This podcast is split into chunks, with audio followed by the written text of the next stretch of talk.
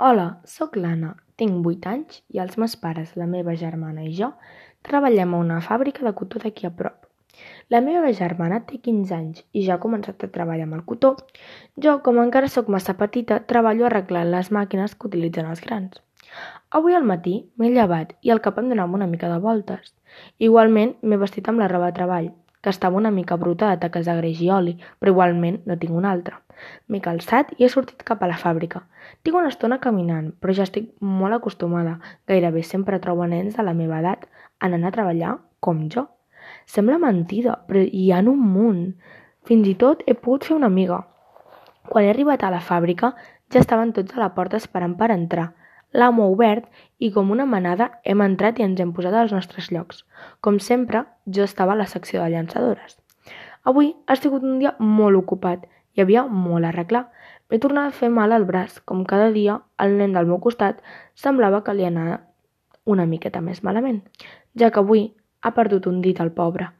Ja portàvem sis hores treballant i hem anat a dinar. No quedava gaire menjar, així que la mitja patata bullida d'avui ha sigut la meva alimentació. Finalment, hem tornat als nostres llocs. Els peus m'han començat a bullir. Estic cansada, com cada dia, però avui sembla que el meu esgotament és major. Per fi, després de 15 hores dures de treball i tota la tarda amb la mà posada dintre de les llançadores, la meva mare i el meu pare semblava que no em venien a buscar. Així que he anat a casa caminant sola. No havien arribat quan estava a casa ja. La meva germana estava fent el sopar i per fi han arribat els meus pares.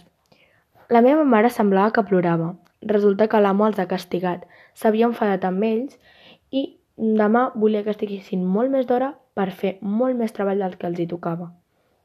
Havia dit que no els hi pagaria les hores extra, òbviament.